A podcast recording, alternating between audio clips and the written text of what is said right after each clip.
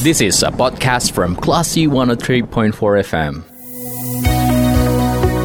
Cermati program Learn and Grow with Dr. Zuhra Taufika.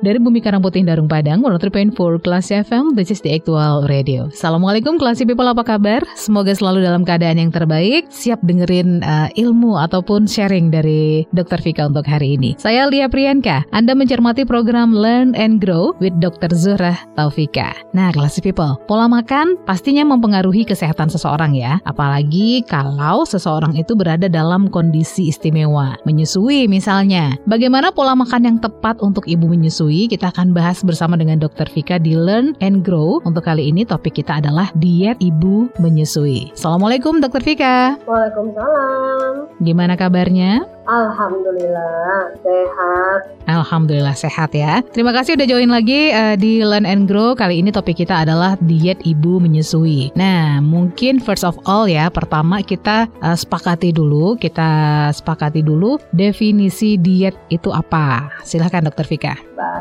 Halo, Classy People. Jadi banyak orang mungkin dikit-dikit diet gitu ya. Ngomongnya, ayo nih gue lagi diet. Mm -hmm.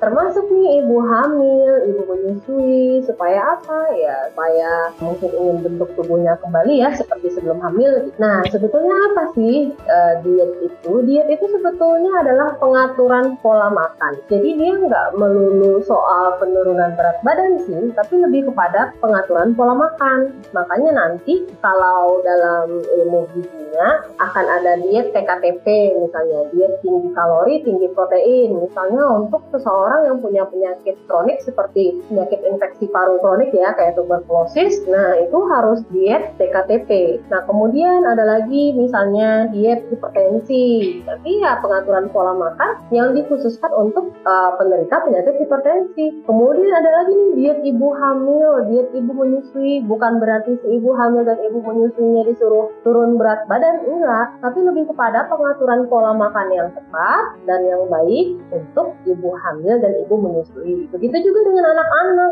gitu. Oke, jadi ini clear ya, uh, Dokter Vika uh dan juga Classy People. Yang kita maksudkan diet di sini sebetulnya adalah pola makan yang tepat untuk uh, ibu menyusui. Yes. Oke, baik. Oke, baik Dokter Vika. Diet ibu menyusui. Apa pentingnya diet untuk ibu menyusui? Oke, kenapa sih penting gitu yeah. ya? Pertama, diet atau pengaturan pola makan itu bertitik tolak dari perbedaan kebutuhan seorang perempuan yang dimaksud di sini adalah ibu menyusui dengan ketika dia tidak menyusui atau ketika dia masih lajang atau belum hamil seperti itu. Jadi antara ibu hamil, ibu menyusui dan wanita tidak menyusui atau wanita tidak hamil itu memiliki uh, perbedaan kebutuhan gizi. Nah, karena berbeda, mengingat perubahan fisiologis tubuhnya berbeda pada kondisi-kondisi tersebut, nah sehingga kebutuhan gizinya berbeda. Kebutuhan gizi yang berbeda tentu akan mengakibatkan kebutuhan akan asupan makannya berbeda. Nah, misalnya nih seorang perempuan atau seorang ibu dalam keadaan menyusui. Kemudian kita bandingkan dengan dia tidak hamil dan tidak menyusui. Nah, tentu ketika seorang perempuan itu menyusui, perubahan fisiologisnya ada. Misalnya saja, seorang ibu itu akan memberikan ASI kepada bayinya, otomatis dia membutuhkan asupan uh, kalori yang lebih dibandingkan yang biasanya. Itu ya pertama. Kemudian ketika menyusui, uh, seorang perempuan juga membutuhkan kalori lebih tinggi terkait dengan proses pemulihan tubuhnya sendiri setelah melahirkan. Nah, namanya tubuh dalam proses pemulihan tentu membutuhkan zat gizi yang lebih dibandingkan dengan pada saat mereka tidak uh, menyusui seperti itu. Kalau kita lihat dari AKG atau angka kecukupan gizi, maka akan ada peningkatan sekitar kurang lebih ya, kurang lebih 400 kilokalori per hari bagi seorang ibu dalam keadaan menyusui dibandingkan dengan dia tidak menyusui. Kalau dalam bahasa uh, sederhananya, apakah ibu menyusui harus makan lebih banyak dari biasanya, dokter? Kalau kita bandingkan lebih banyak dari biasanya, kalau biasanya udah banyak tentu tidak.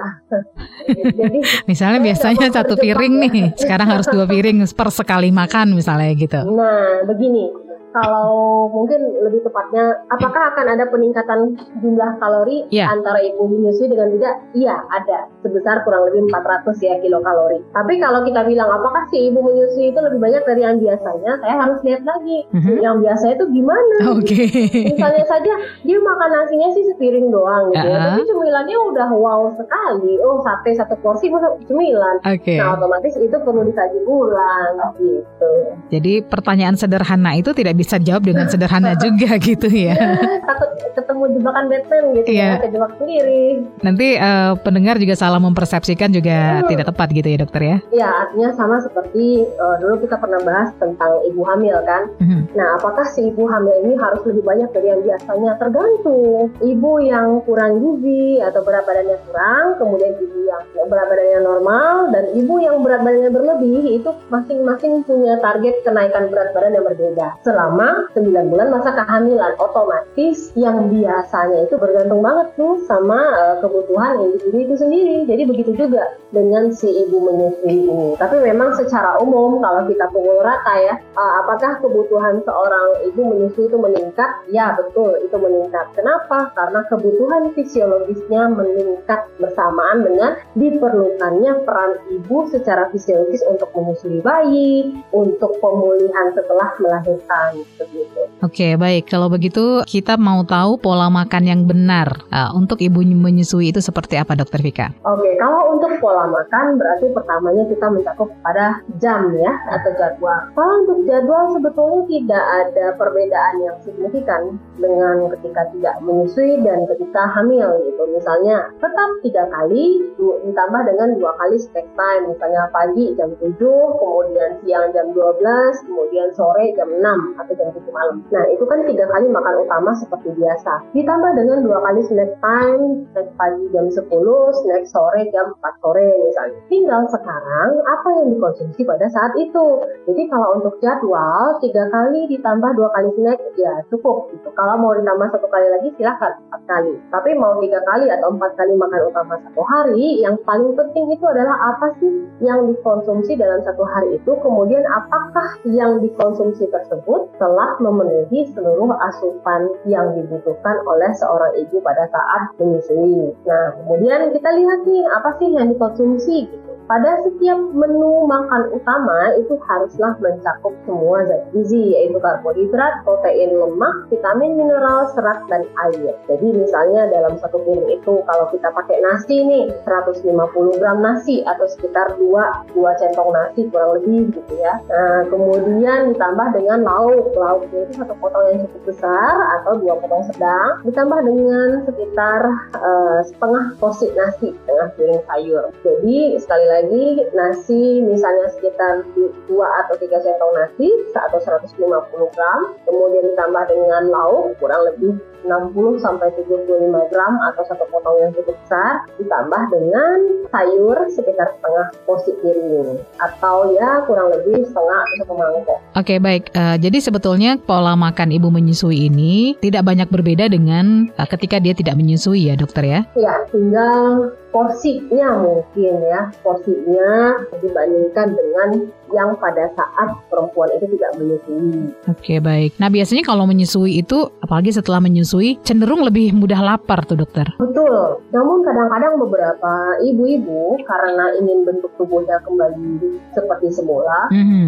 Ada juga keinginan sebagian dari ibu-ibu ini untuk mengurangi ya mengurangi porsi makan. Nah tentu hal ini nanti akan berdampak tidak baik terhadap asupan gizi dari bayinya. Artinya ketika dia merasa lapar, dia mengabaikan rasa lapar tersebut. Bisa jadi atau mungkin yang tadinya nih misalnya kita sarankan kan e, sebanyak yang tadi ya untuk satu kali menu utama gitu tapi kemudian dia kurangi dia kuranginya misalnya nasinya jadi beberapa sendok makan saja kemudian lauknya mungkin yang kecil aja pokoknya yeah. semua porsinya yeah. lebih direstriksi yeah, yeah. nah atau dikurangi nah otomatis memang penurunan berat badan si ibu akan jauh lebih cepat tetapi konsekuensinya adalah pada kualitas asi yang dihasilkan termasuk dengan pertumbuhan si anak kenaikan berat uh, anak. Artinya itu sebetulnya kebutuhan uh, kalori si ibu belum terpenuhi, kebutuhan gizi ibu belum tercukupi, kualitas ASINYA jadi menurun. Uh, iya, kurang lebih seperti itu. Karena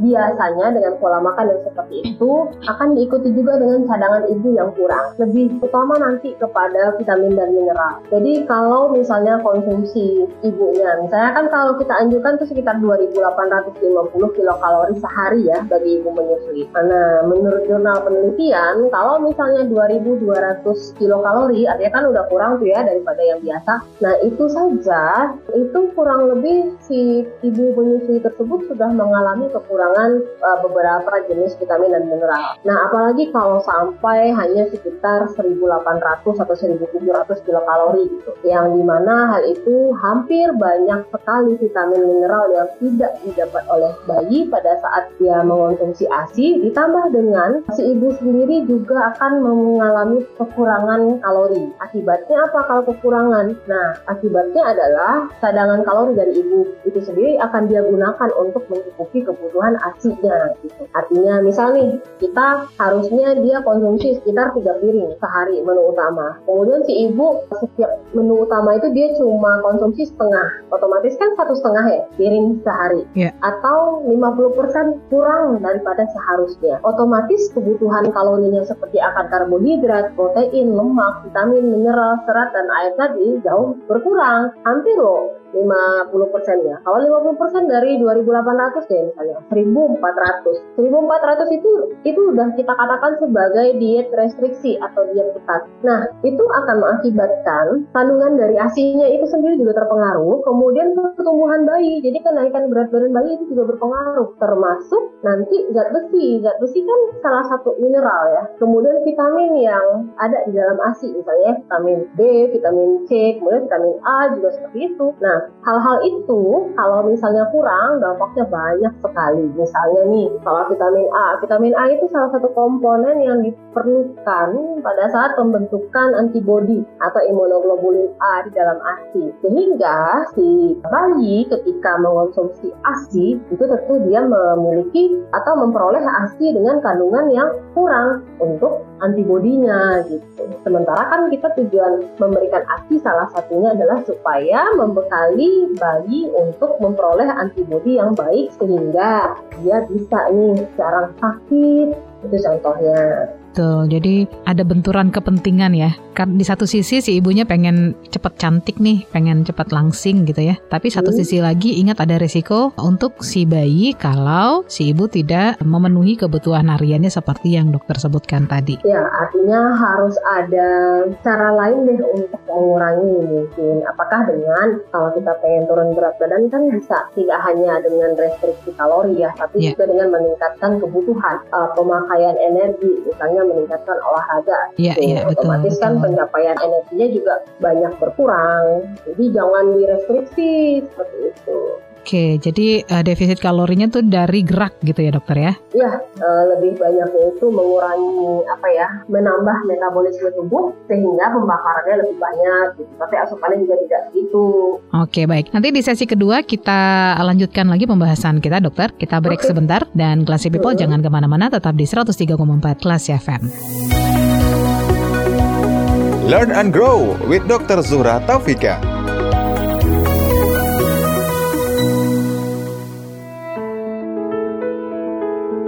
103,4 kelas FM, this is the actual radio Classy People. Anda masih mencermati program Learn and Grow with Dr. Zuhra Taufika. Topik kita kali ini adalah diet ibu menyusui. Jadi tadi sudah diberikan definisi yang tepatnya oleh Dr. Vika. Yang dimaksud dengan diet di sini adalah pola makan sebenarnya ya. Nah, kalau untuk pengurangan berat badan atau diet yang kita banyak pahami selama ini bagi kebanyakan masyarakat sebetulnya uh, sudah include di pola makan itu ya dokter sebenarnya ya. Salah satunya adalah untuk uh, penurunan berat berat badan untuk uh, tujuan-tujuan tertentu nih. Oke dokter, tadi kan kita bilang nih bahwa si ibu yang sedang menyusui harus memenuhi kebutuhan kalorinya dan secara umum ada peningkatan kebutuhan kalori ketika dia sedang menyusui agar kualitas ASI tetap baik, agar kebutuhan kalori ibu juga tetap terpenuhi. Nah, uh, berkaitan dengan keinginan untuk cepat memper uh, cepat menurunkan berat badan. Yang namanya perempuan pasti pengen terlihat langsing, cantik gitu kan ya. Ketika rasa lapar itu datang setelah menyusui, misalnya si ibu memilih untuk makan buah-buahan aja deh, rasa laparnya teratasi, tapi kalorinya nggak gede-gede banget misalnya gitu. Nah kalau seperti itu pilihannya bagaimana dokter?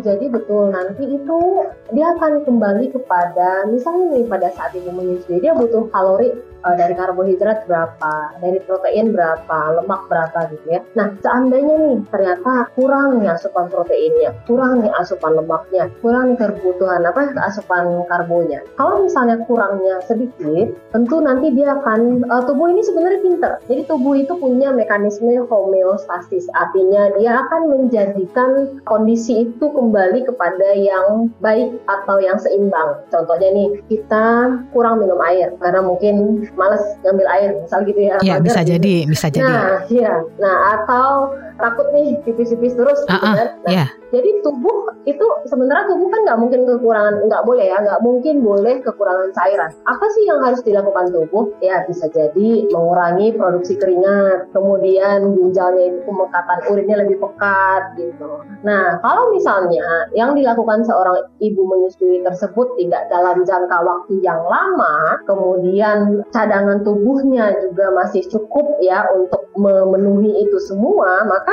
kebutuhan si bayi akan terpenuhi. Yang menjadi problem adalah apabila perempuan tersebut atau ibu menyusui tersebut punya pola makan yang memang restriksi dari awal. Jadi misalnya nih ketika tidak hamil pun e, di bawah target, di bawah angka kecukupan gizi. Ketika hamil mual muntah di bawah lagi dong. Nah, tapi pas trimester 2 3 mungkin naik sedikit. Lalu ketika menyusui biasanya akan kembali lagi tuh kepada habit awal, makannya sedikit. Nah, akibatnya apa? Nanti produksi asinya bisa tidak mencukupi, kemudian si ibunya juga tidak begitu sehat seperti itu. Jadi itu akan berdampak nanti kepada kesehatan anak. Artinya begini, seorang perempuan atau ibu menyusui, jika pun ada target untuk penurunan berat badan, sebaiknya berkonsultasi. Pertama, berapa sih yang diperbolehkan rentang untuk kalori yang dikonsumsi hariannya gitu. Supaya apa? Supaya tidak sampai mengganggu produksi ASI, kualitas ASI gitu. Karena misalnya dari 2200 menuju 2850 50 kan ada tuh range-nya. Jadi kalau yeah. misalnya mau 2300 ya it's okay gitu. Dan 2300 itu banyak loh sebetulnya. Jadi yang saya sebutkan tadi nasi satu piring. Nasi satu piring itu berapa sih tadi? Saya tiga centong nasi ya atau kurang lebih 150 gram ditambah dengan lauk satu dengan ukuran yang kurang lebih 60 gram misalnya ya. Kemudian sayur setengah piring. Itu tuh satu kali makan itu 700 kilokalori loh kurang lebih. Nah, baru 700 artinya tiga kali itu sehari sudah uh, 2100 ya. 2100 iya. Kan? Lalu nanti cemilan-cemilan ketika jam 10 sama jam 4. Nah, kalau misalnya kita ingin mengurangi, oke okay, boleh. Misalnya yang tiga centong tadi jadi dua gitu ya yang lauknya tetap. Nah nanti di cemilan silahkan misalnya kalau lapar ya sayur lebih banyak gitu ya. Kemudian ada satu um, tambahan telur mungkin. Nah jadi kita bisa sih mengakalinya. Hanya saja memang tidak dengan jalan yang jalan pintas ya menurut saya. Jadi di saat tubuh secara fisiologis memang membutuhkan kalori, kemudian kita restriksi, tentu ini lagi butuh-butuhnya duit nih, pengeluaran lagi banyak, otomatis tabungan terkuras habis kan? Iya. Iya, betul. Nah, gitu sih logikanya.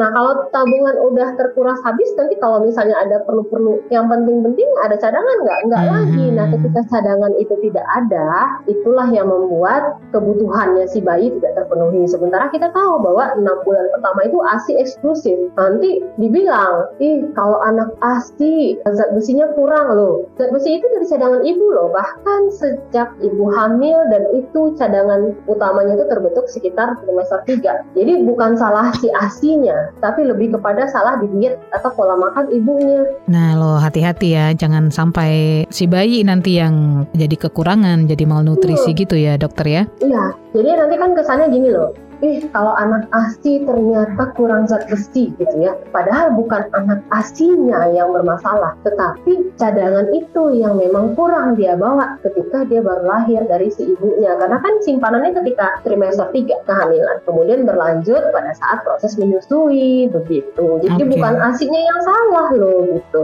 Oke, okay. artinya ketika misalnya si bayi ini kondisinya kurang sehat, si ibu juga harus makan lebih banyak makanan bergizi yang akan ditransfer via ASI ASI kepada anaknya? Iya, jadi yang perlu dipahami oleh semua ibu ya, semua ibu menyusui ataupun para supporter menyusui, artinya nggak hanya ibu nih, iya, betul, betul. moodnya ibu kan, moodnya ibu itu sangat dipengaruhi oleh keadaan lingkungan loh, apalagi kalau habis menyusui kan? Betul, betul. Uh, eh habis melahirkan. Betul, gitu betul. Jadi itu penting. Yang perlu dipahami itu adalah bahwa seorang bayi yang asik eksklusif, maka dia hanya akan menyandarkan nutrisinya kepada ASI. Kenapa? Karena ASI eksklusif itu kan ASI satu-satunya sebagai sumber makanan bayi. Artinya, apa kandungan ASI itulah yang ibu berikan kepada bayinya. Itu. Jadi kalau kualitasnya bagus, jumlahnya cukup, ya bagus hasilnya. Dan itu kebanyakan ya pengaruh dari kualitas dan kuantitas ASI memang gizi ibu itu sendiri di samping status gizi ibu. Jadi gizi ibu itu lebih erat kaitannya dengan asupan makan ibu pada saat itu. Tapi kalau status gizi itu adalah hasil dari asupan makan ibu e, baik pada saat itu ataupun dari masa sebelumnya. Misalnya, oh si ibunya bagus nih pola makannya, memang sejak gadis bagus, sejak hamil bagus, sehingga apa? Kenaikan berat badan ibunya bagus, sehingga ibu mungkin memiliki indeks massa tubuh yang proporsional misalnya. Itu yang disebut dengan status gizi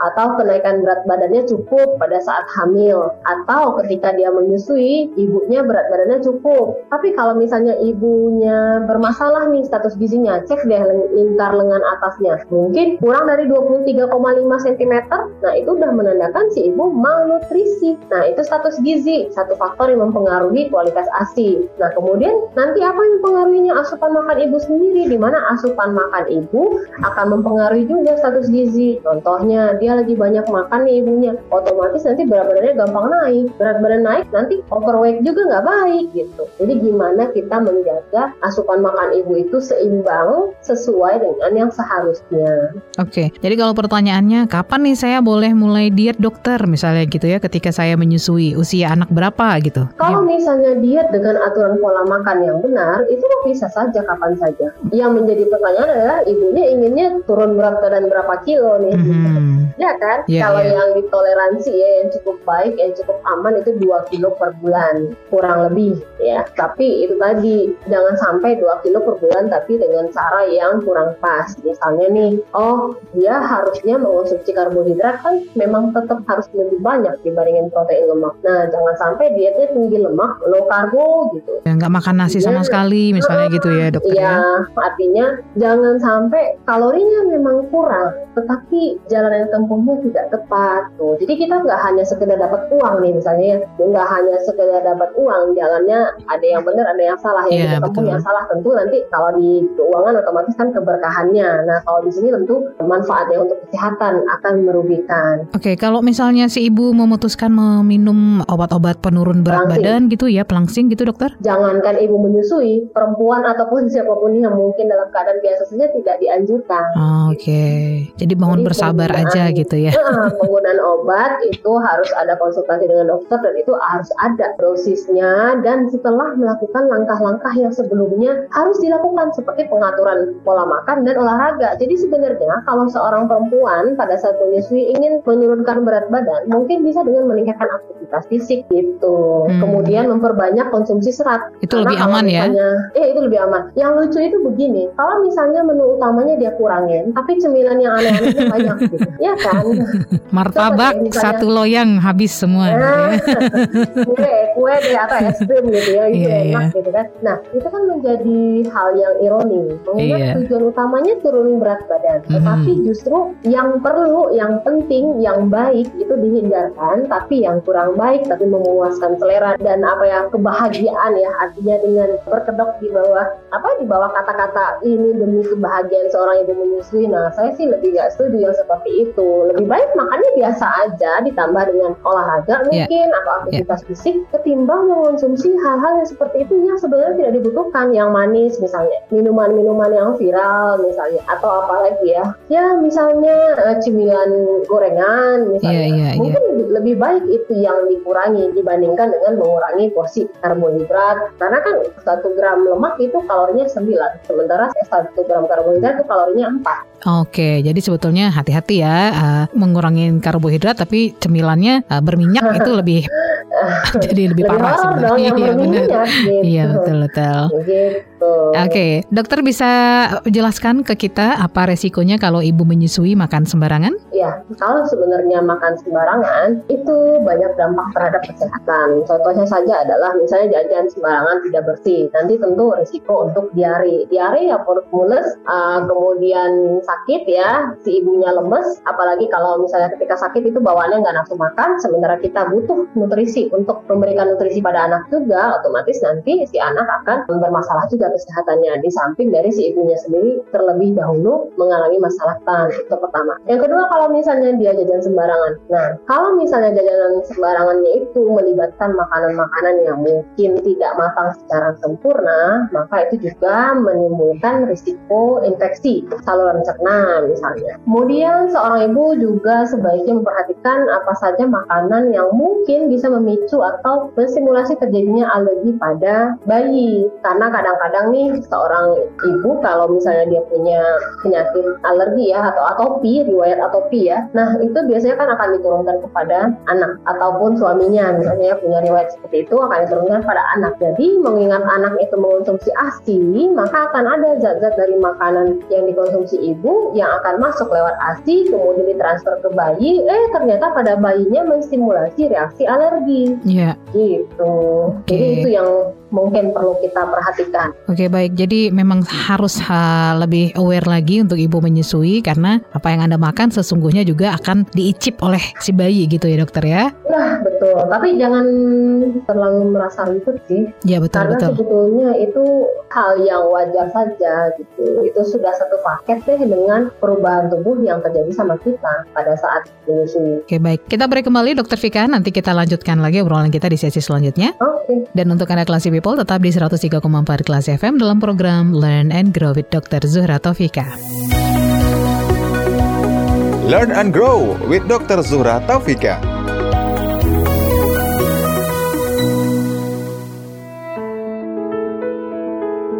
103,4 kelas FM, this is the actual radio Classy People Masih di program Learn and Grow with Dr. Zura Taufika Topik kita kali ini adalah diet ibu menyusui Dr. Vika, gimana penjelasannya kalau si ibu ini dalam kondisi kesehatan tertentu Misalnya dia diabetes, hipertensi, atau kondisi penyakit lainnya dokter Tapi dia juga dalam masa menyusui Bagaimana pola makan yang seharusnya dilakukan oleh ibu dengan kondisi seperti ini? Iya, jadi bagi ibu ibu menyusui yang kebetulan juga punya masalah metabolik endokrin ya seperti diabetes mellitus ataupun penyakit internal lainnya seperti hipertensi, maka sangat dianjurkan untuk berkonsultasi dengan internis ya penyakit uh, spesialis penyakit dalam uh, itu sendiri dan untuk konsumsi obat-obatannya pun juga tetap harus dalam pengawasan dokter spesialis tersebut. Mengingat menimbang tidak bisa disamaratakan dengan ibu menyusui yang tanpa penyakit tersebut. Kalau untuk dietnya sendiri terkait dengan pengobatan dan status status penyakit dari pasien itu sendiri gitu.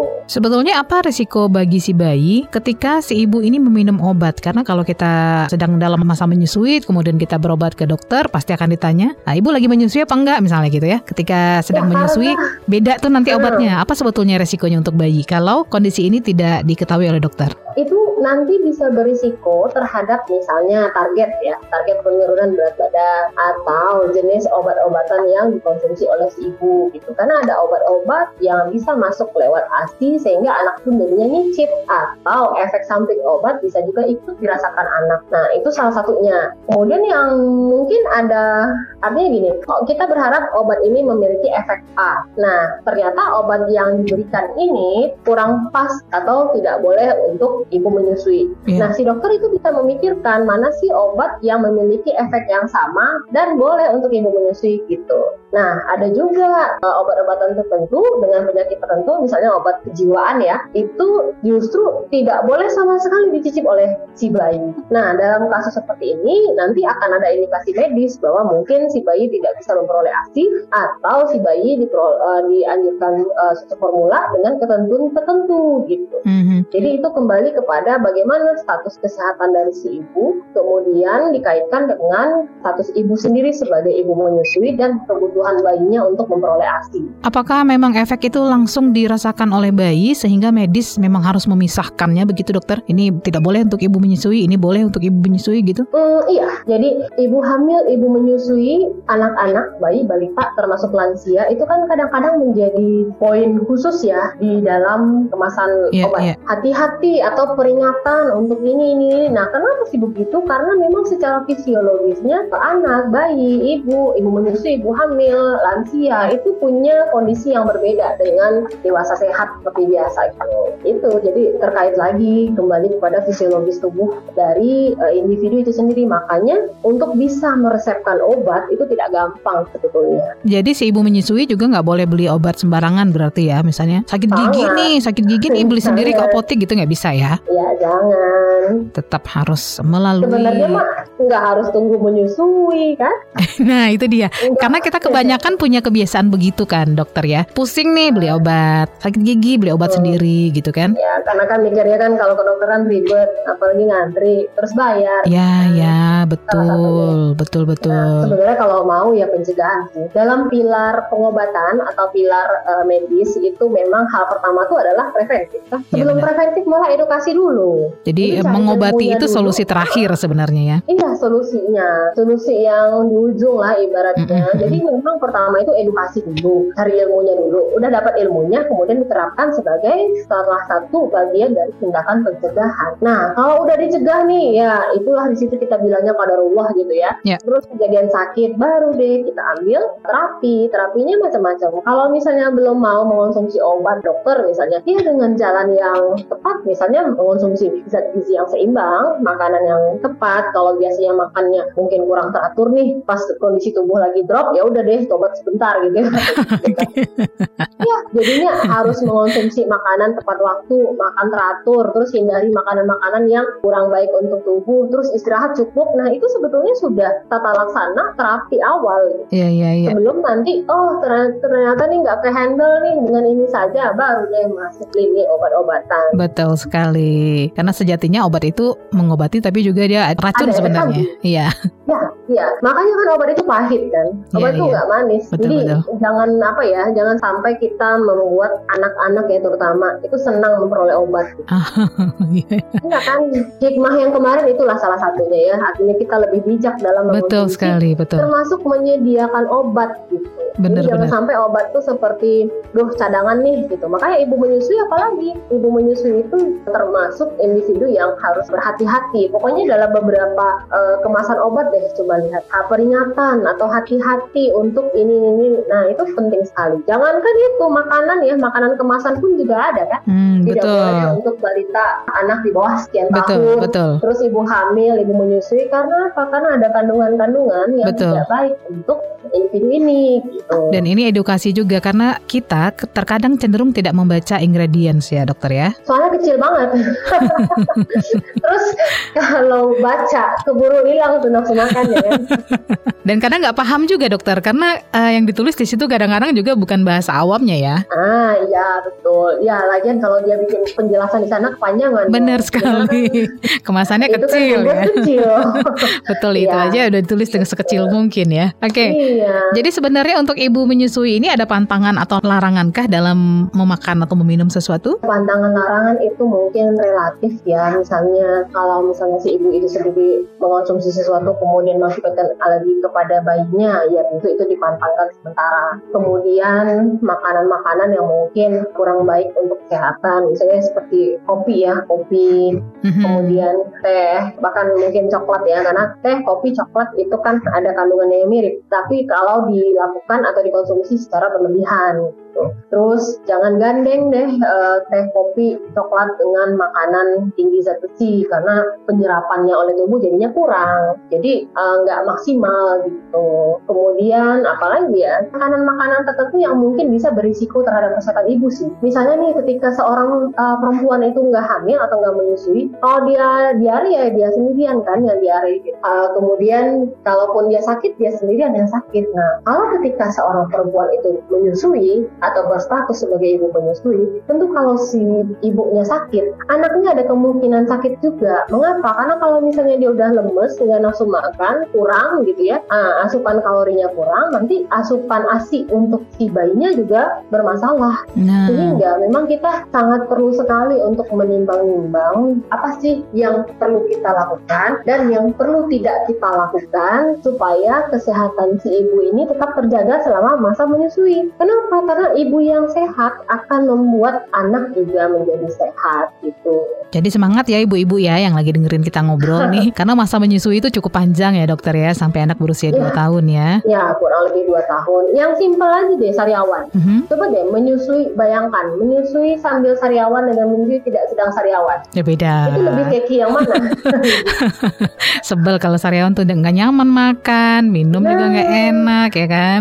Ya, anggaplah misalnya masih bisa minumnya dipaksain gitu ya, tapi kan secara mood itu terganggu. Betul betul betul. Nanti kembali lagi ibunya nggak bahagia, ibunya nggak bahagia nih. Kurang produksi asinya Asi. gitu ya. Iya, jadi semaksimal mungkin apabila kita sedang berstatus sebagai ibu menyusui, maka jagalah kesehatan. Bukan hanya untuk diri kita sendiri, tapi juga untuk bayinya. Sebenarnya sih kalau saya pikir-pikir ya, himbauan menjaga kesehatan itu kan kapan saja di mana saja untuk siapa saja ya. Iya, benar. Jadi berharapnya dengan adanya si bayi yang harus kita handle, kita susui, itu kita sebagai ibu menyusui itu jauh lebih menjaga lagi gitu. Oke, okay. kalau gitu kita sekarang masuk ke mitos-mitos untuk ibu menyusui nih, Dokter Vika. Hmm? Misal, ibu menyusui jangan minum es dong, nanti bayinya pilek karena asinya dingin katanya gitu. Hmm. Nah, gimana dokter Ber penjelasannya untuk hal-hal seperti ini? Ah, ada ada kulkas ya dalam tubuh ya. Coba dokter kasih uh, pencerahan buat kita semua untuk mitos-mitos seperti ini. Wah, sebenarnya mau makanan itu dingin, panas itu efeknya di lidah kok, di lidah si yang mencicip. Nanti kan nyampe ke lambung dia udah nggak panas lagi. Ah, Bahkan okay. di mulut pun kan ada proses penyesuaian suhu. Ya, ya. Jadi sebetulnya Jadi itu, itu fix mitos ya. Fix mitos ya. Jadi mau makanan pedas, mau makanan uh, Nah, beda beda. Oh beda. Kalau pedas tuh memang berasa, berasa pedasnya sama Kalau kita, iya kalau kalau kita ngomongin suhu ya, itu kan suhu uh, beda di, ya.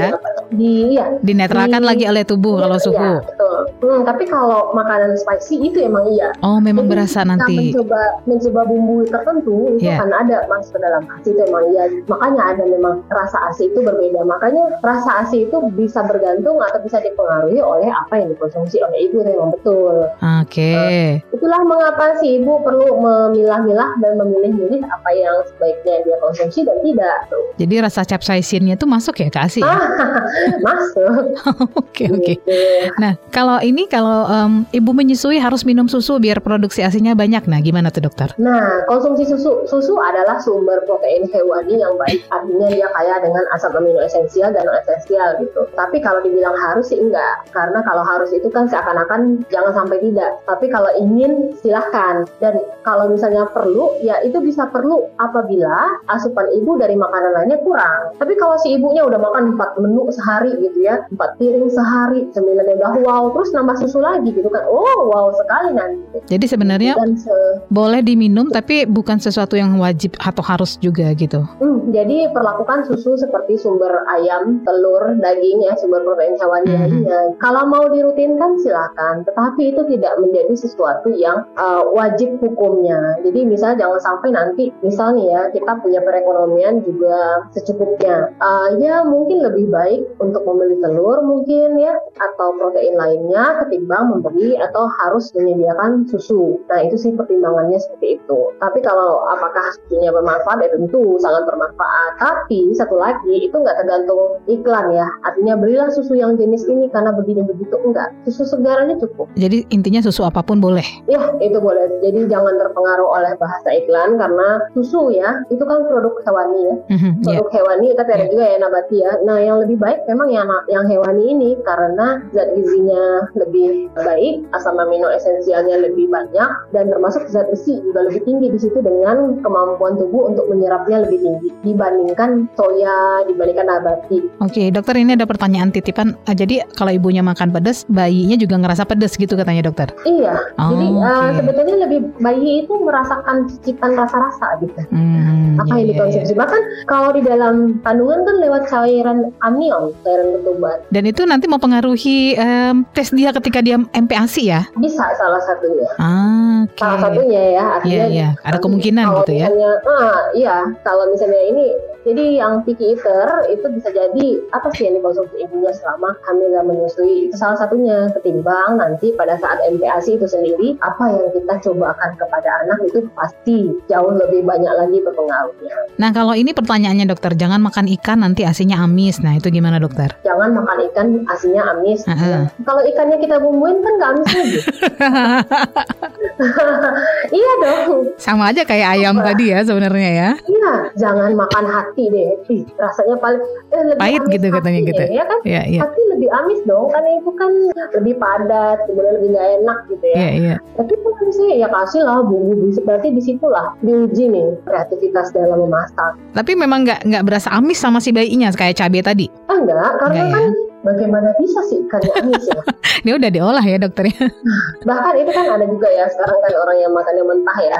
Iya iya iya. Iya iya. Iya iya. Ya kan itu oke. Okay. Lagian kan dia dibumbuin juga. Oke okay, baik. Nah kalau ini makan daun kelor atau sayuran hijau supaya asi lancar gitu? Nah itu sih sebetulnya silahkan aja. Hanya saja kita tidak bisa memastikan bahwa apakah itu efek dari itu sendiri gitu ya. Atau daun katut uh, gitu? Ah uh, ya silahkan karena konsumsi sayur itu kan bagus bagus ya. Konsumsi sayur yang banyak dan sesuai dengan kebutuhan ibu apalagi serat ya. Serat itu kan 30 gram minimal dalam satu hari misalnya. 30 gram itu banyak loh. Bukan kita timbang bayinya 100 gram gitu doang enggak. Tapi kandungan serat di dalam misalnya wortel. Wortel itu 100 gram itu mungkin seratnya cuma 3 gram. Terus kalau misalnya kita pengen 30 apakah kita makan satu kilo wortel sehari? Gitu kan.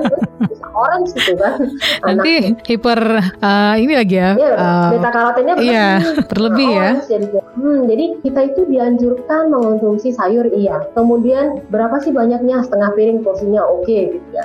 Kemudian tiga kali deh setiap kali makan. Tapi kan tiga kali. Nah apakah itu baik? Tentu itu baik karena sayur itu selain dia mengandung vitamin mineral dia juga mengandung serat. Serat adalah makanan yang baik untuk bakteri usus. Nah bakteri usus ibu yang baik itu akan menghasilkan ASI dengan bakteri yang baik juga. ASI itu dikonsumsi bayi nanti akan membentuk suasana di dalam usus bayi memiliki suasana yang baik dan sehat gitu. Jadi ibunya baik, ibunya sehat, anak sih juga akan begitu. Oke, ini pertanyaan titipan juga dokter. Hmm? Kalau menyusui malam hari, tengah malam gitu ketika bayi bangun, hmm? kemudian disusui, ibunya merasa lapar, harus ma makan atau ditahan aja gitu? Boleh makan. Boleh makan ya? Boleh makan, tergantung apa yang dimakan kan. yang misalnya, mungkin ini maksudnya dia lapar ketika habis menyusuin kan bayi suka kebangun malam terus disusuin gitu ya. Adanya cuma nasi sama lauk nggak apa-apa di, dimakan aja gitu ya. Nggak apa-apa, tinggal paling uh, atur porsinya aja paling ya. Hmm, dan terus dia cari kegiatan lain dulu, jangan langsung tidur gitu. Atau kalau emang pengen langsung tidur ya cemilan crackers aja sedikit. Gitu. Oh, jangan yang ya, terlalu berat gitu ya. Kita, iya, jangan terlalu berat karena kalau terlalu berat otomatis kita nanti masuk kepada konsekuensi makan berat dengan jarak waktu tidur kan. Iya, iya. Nanti ke lambungnya ya. Hmm.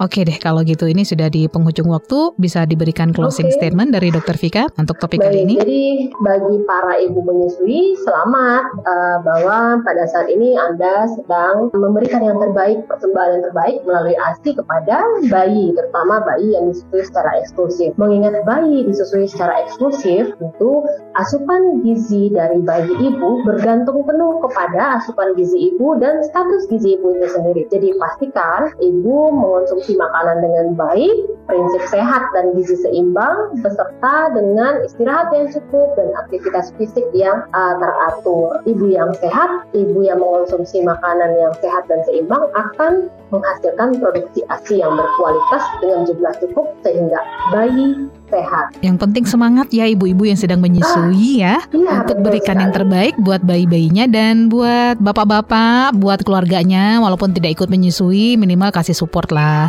bikin istrinya senang, bikin ya, uh, si ibu ini bahagia biar asinya makin banyak makin lancar gitu ya dokter ya. Iya, betul sekali. Jadi dukungan menyusui itu nggak harus memberikan ASI juga. Ya kalau kita nggak punya ASI mah bapak-bapak kan bisa dengan dukungan yang lain. Betul gitu. sekali. Bantu ibunya mungkin pekerjaan di rumah ya kan dokter ya? Yes, tepat sekali. Baiklah kalau begitu dokter Vika terima kasih banyak untuk obrolan uh, di hari ini tentang diet ibu menyusui. Semoga bermanfaat untuk pendengar kita Classy People. Dan untuk Anda Classy People jangan lupa Anda bisa mencermati program ini uh, setiap hari Selasa di jam 10 pagi ya. Ada saya Lia Priyanka dan juga Dr. Vika yang berbagi cerita dari Dr. Vika, berbagi ilmu, berbagi masukan gitu ya tentang gizi, kesehatan dan uh, bisa jadi salah satu referensi Anda. Dokter sekali lagi terima kasih. Uh, semoga sehat selalu. Baik, Classy People. Demikian saya Lia Priyanka pamit. Assalamualaikum and then see you. Anda baru saja mencermati program Learn and Grow with Dr. Surah Taufika.